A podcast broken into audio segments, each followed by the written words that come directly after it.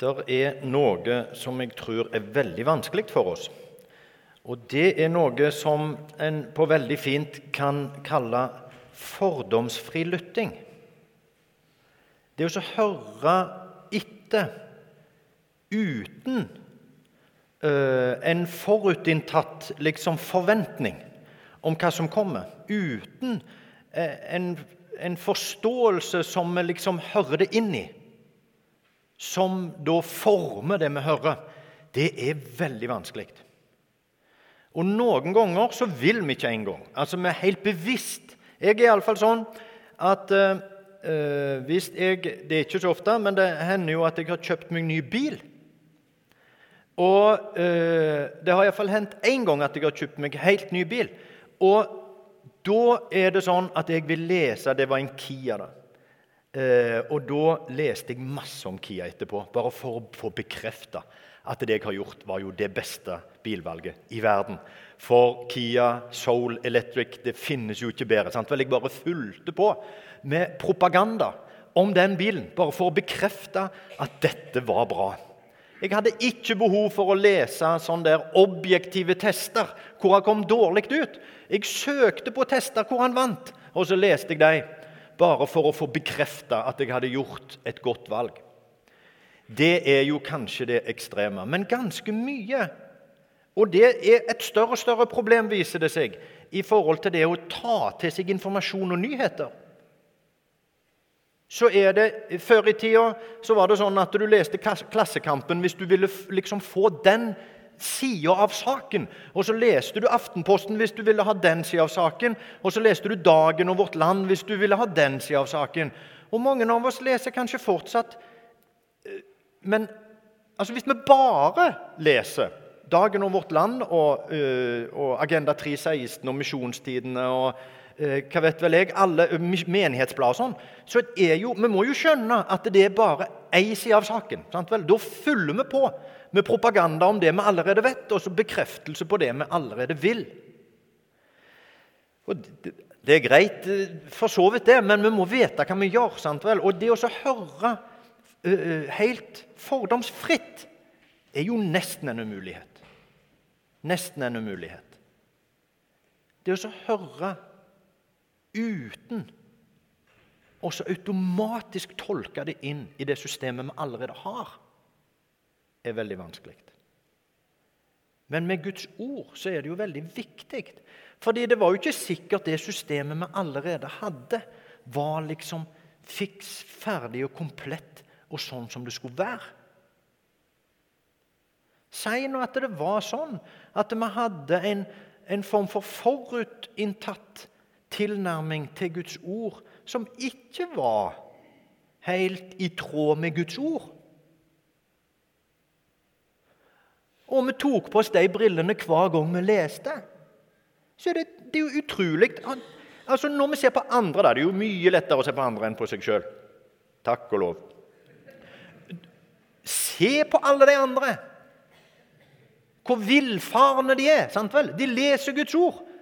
Og så skjønner de ikke hvordan de fordreier Guds ord når de kommer til de standpunktene de kommer til. Er, er dere ikke enige? Er det ikke mange som leser Guds ord på helt riv ruskende måter? Som, riv ruskende gale måter, heter det kanskje. Som liksom Er det mulig å komme til den konklusjonen? Er det samme Bibelen vi leser, tenker vi? Ja, men vi, da? I hva grad er vi fordomsfri når vi hører Guds ord. Når vi hører dette, f.eks. Disiplene var tydeligvis de, Det sto at de skjønte ikke noen ting av det Jesus snakket om. står Det Det var ikke Det var helt på tverke av deres system. De fikk det ikke til å klaffe inn i det systemet og den forventningen de hadde om hvem denne Messias var, på noen som helst måte. Så de skjønte ingenting. Hva er det du snakker om? Skal gå opp til Jerusalem, og så skal det oppfylles. Skal bli hånt og mishandla og spytta på, piska og slått i hjel. De skjønte ikke noe av dette.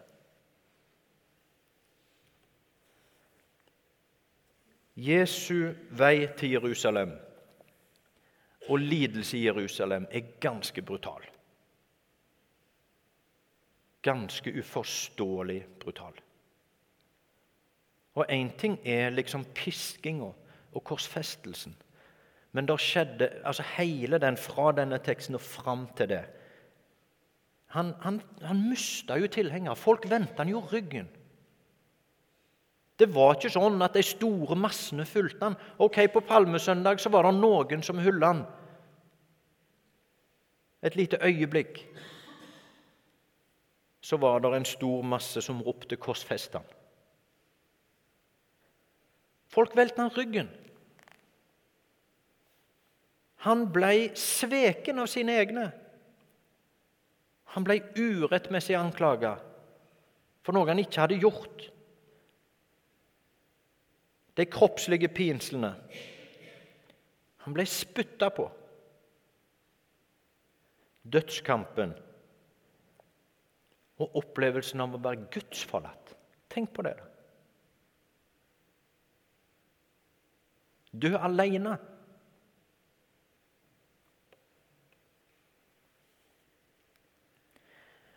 Og da er spørsmålet hva hører vi?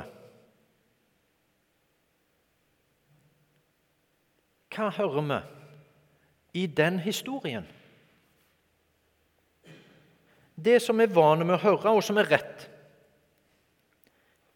og godt, det var at denne lidelsen var for oss. Den lidelsen var nødvendig, og det var for oss. Så galt var det, det vi har gjort, at dette var nødvendig. Og det får oss til å reflektere over prisen som han måtte betale. Det er vi vane med, og det er i vårt system. Og det er godt, og det er rett. Men Er det sånn at vi på noen som helst måte skal ofre?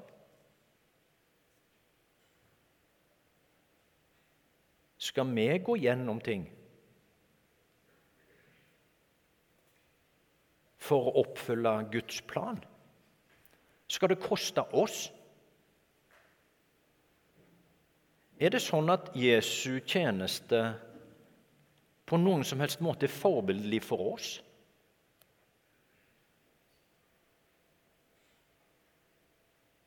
Er det sånn at det der er en form for lidelse som er nødvendig for oss?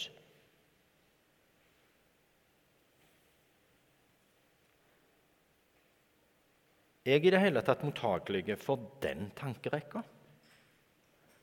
Passer det inn i mitt system?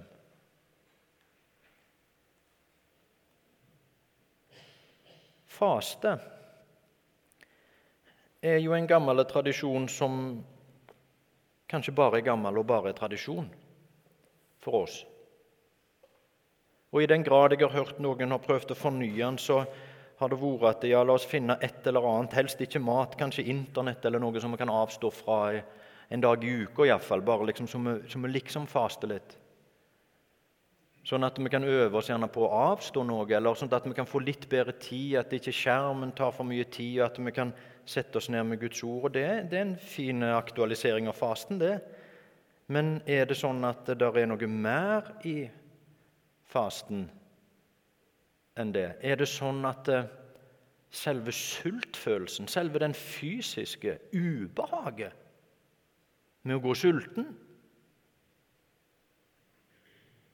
er en del av det. Er det sånn at det å på en måte lide, da Forberede seg på, øve på å tåle og utholde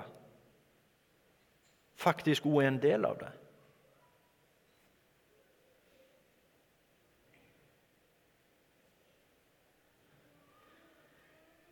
Er det sånn at det å tjene krever noe? Og er det sånn at det det kreves, må vi forberede oss på å øve på? Er det sånn at det å elske koster? Er det sånn at hvis det skal bli realisert, det som er Guds høyeste ønske, at alle mennesker skal bli frelst og lære sannheten å kjenne, ja, så koster det. Det har en pris.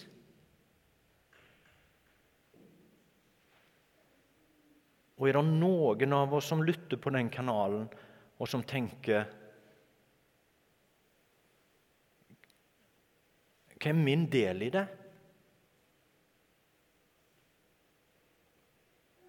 Hva er, mitt uh, offer i det? Er det sånn at det å tjene Gud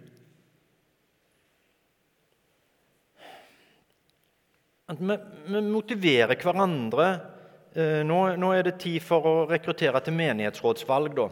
Og da lages det sånne brosjyrer med, hvor det, ei som jeg så, var liksom lista opp alle fordelene med å sitte i menighetsrådet. Alt du liksom får. Alt du får lov til.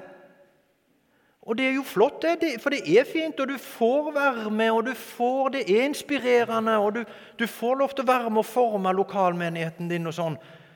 Men det er jo få sånne brosjyrer som lages hvor det står hva det koster, hva det kreves.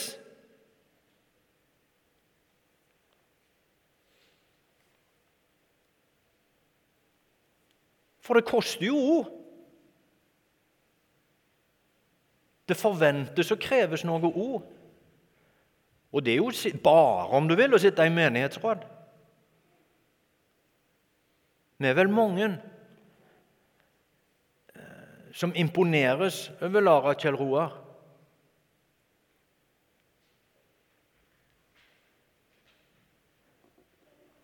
Som ikke bare reiser og tjener på Mercy Ships men som jobber for å tjene seg opp penger så de har råd til å tjene på Mercy Ships. For de må betale for seg på Mercy Ships. De må betale kost og losji for å få lov til å jobbe gratis.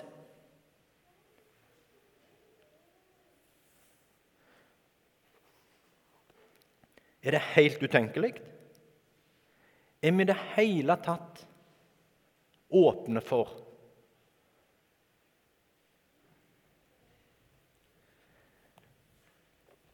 så er det sånn Hva hører, hva hører dere, eller hva hører vi når, når jeg sier dette? Var dette unødvendig kravforkynnelse? Var det en helt umulig offerforventning? Eller en urealistisk virkelighetsbeskrivelse? Eller er det sånn at dere hører, ja, er det sånn at lidelsen, da? Lidelsen i form av sykdom, i form av tap, i form av det som må ramme oss Er det Guds? Er det det du sier? Det er ikke det jeg sier. Det er ikke det jeg sier. Vi er altfor flinke til å, til å tolke de hel, det som rammer oss av helt tilfeldige og urimelige og onde ting. Prøve å finne ut hva ville Gud med at jeg skulle bli rammet av dette. Han vil ingenting. Det var den onde som ville noe med at du skulle bli rammet av det. Det er ikke det jeg snakker om. Men jeg snakker om at det koster å følge Jesus. Det koster penger og tid og krefter og innstilling og liv og tjeneste å følge Jesus. Alle mennesker blir ikke frelst av seg sjøl.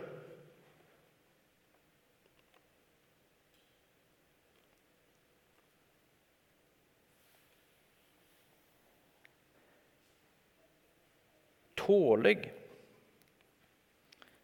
å høre det. Vi trenger bekreftelse som mennesker. Og Vi merker det veldig tydelig på ungene, og så merker vi det nesten like tydelig på voksne. At vi, vi skriker ut og så blir bekrefta. Med rette. Vi trenger hverandre, og vi trenger å bli bekrefta for den vi er, for det vi gjør, for det vi øh, Ja, for den vi er. Og veldig mye er kanskje sånn som den bekreftelsen jeg ville ha når jeg hadde kjøpt meg nye bil. Vi hører og tar til oss det som bekrefter oss, og som trygger oss, og som roer oss, og som gir oss fred. Og Gud gir oss masse til bekreftelse og til ro og til fred, og det er det som er fundamentet for vårt liv og for vår tjeneste. Vi elsker akkurat sånn som vi er. Vi er Guds. Han har tatt imot oss, han har frelst oss, han har gitt oss et nytt liv ved sin nåde, uavhengig av vårt liv, sånn som det var, og sånn som det er, og sånn som det blir. Det er han som handler. Det er han som legger fundamentet for vårt liv. Og i et nytt liv som han har gitt oss, så kaller han oss til å følge han. Han kaller oss til å være villige til å gå den vei han peker. Koste hva det koste vil. Han skal gå med hver dag, sier han, inn til verdens ende. Det er ikke sånn at han skal sende oss av gårde og forlate oss. Det er heller ikke sånn at hvis du går Guds vei, så, så blir du velsigna på en helt annen måte enn alle andre.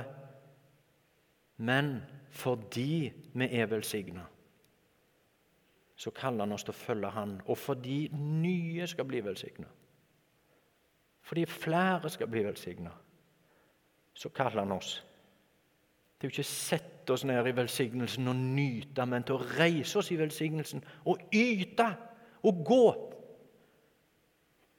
Og det koster jo. Og det kosta for Jesus. Det var hans vei. Og hva koster det for oss? Hva er vår vei? Og Det er ikke det, er ikke det samme. Vi skal ikke sammenligne oss med Jesus, for han hadde med, hans oppdrag er ikke vårt. Og vi skal ikke sammenligne oss med hverandre. Ja, men jeg har jo gitt jeg gir jo ganske mye penger, og jeg har jo sittet i menighetsrådet, eller jeg har Det er ikke å sammenligne med hverandre, men du er du. Du er Guds barn. Du er gitt de gaver og de muligheter og de evner og den historie og det livet du har. Og han kaller deg til å følge seg på den vei som han vil lede deg, sånn at alle mennesker kan bli frelst og lære sannheten å kjenne.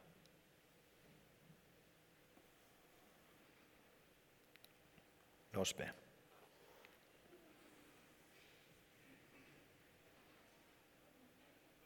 Herre, takk for at du fant oss reiste oss opp, frelste oss og gav oss et nytt liv.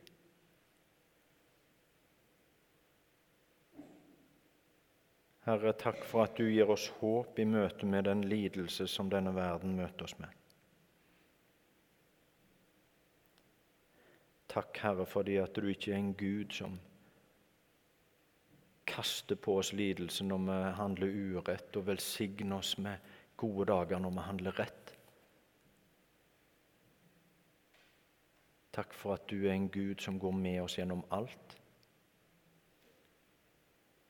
og som har sagt at en dag skal all urett og all lidelse ta slutt. Og inntil den dag gjør oss villige til å lytte og til å reise oss og til å gå der du kaller, koste hva det koste vil. Amen.